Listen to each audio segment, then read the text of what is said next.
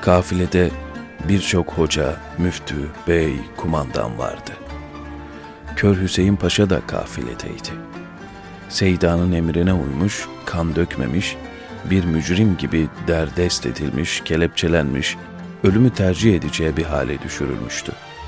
Hepsi birkaç yıl önce uğruna ölümüne savaştıkları toprakların zararlıları olmuştu. Hayatlarında hiç ihanet etmemiş, hatta o kelimeyle tanışmamış insanların onuruna dokunan, zoruna giden de buydu. Kış şartları da oldukça ağırdı. Kar bir türlü hız kesmiyor, bazen tipiye dönüyor, insanlar bata çıka yürüyor, bitkin düşüyorlardı. Yaklaşık 20 gün Van'daki bir ortaokulda tutulan menfiler salı verilmeyi ümit ederken sürgüne gönderilmişlerdi. Hazırlıksızlardı. Kendi evlatlarından gördükleri haşin muameleler üzüntülerini bir kat daha arttırıyor, inciniyor, anlayamıyorlardı. Sadece bedenleri değil, ruhları da eziyet çekiyordu. Kar yolları kapatıyor, dondurucu soğuğun etkisiyle zemin kayganlaşıyor, yürümek işkence oluyordu. Masum Efendi'yi gönüllü alay komutanıyla birlikte kelepçelemişlerdi. Seyda'ya bu kadar yakın olmaktan hoşnut olsa da bunu başka şartlarda arzu ederdi. Seyda dinçti, güçlüydü. Yürümeye, harekete, zorluğa alışkındı. O sağda, Masum Efendi soldaydı. Müftü Efendi kafileye ayak uydurmakta zorlanıyor, Seyda'ya yük olduğunu düşünüyor, üzülüyordu. Ayakları bedenine baş kaldırıyordu. Kar tipiye dönünce yol iz görünmez olmuş, ellerine geçen şeyleri yüzlerine, boyunlarına dolamışlardı. Masum Efendi'nin kelepçesi koluna oturmuştu. O yaşlı, naif, zayıf adamın canı acıyordu. Etraflarında muhafız yandarmalar yürüyordu. Onlar onun evlatlarıydı, Ahmetleri, Mehmetleri, Mustafa'larıydı onlar. Torunu yaşındaydılar. Öz dedelerine, milletinin büyüklerine elbette ki hürmetleri, sevgileri vardı, olmalıydı. Ondan onlara, onlardan ona zarar gelmezdi. Bunu aklına bile getirmemişti. Canı acıdığı için evlatlarından, jandarmalardan kolundaki kelepçeleri birazcık olsun gevşetmelerini rica etti. Koca adamın sesi bile cılız çıkıyor, sanki yalvarıyordu. Bir anda hiç kimsenin beklemediği bir şey oldu.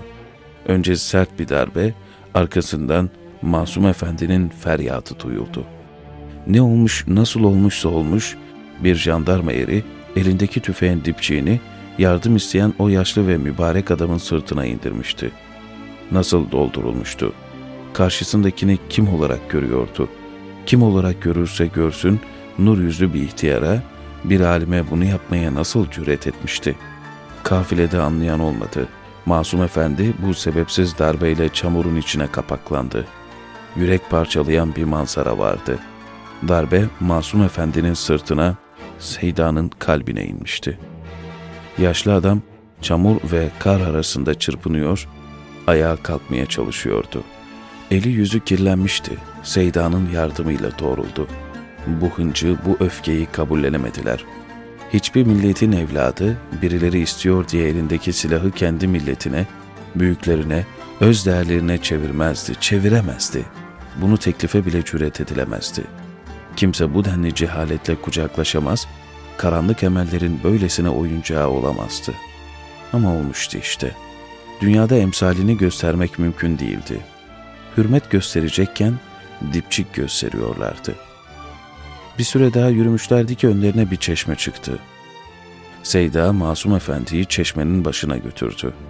İkisinin de hicranı büyüktü. Göz göze bakacak, konuşacak halleri yoktu.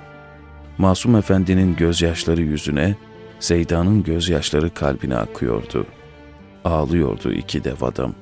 Hem masum hem mahzundular. Milletin haline, neslin istikbaline ağlıyorlardı.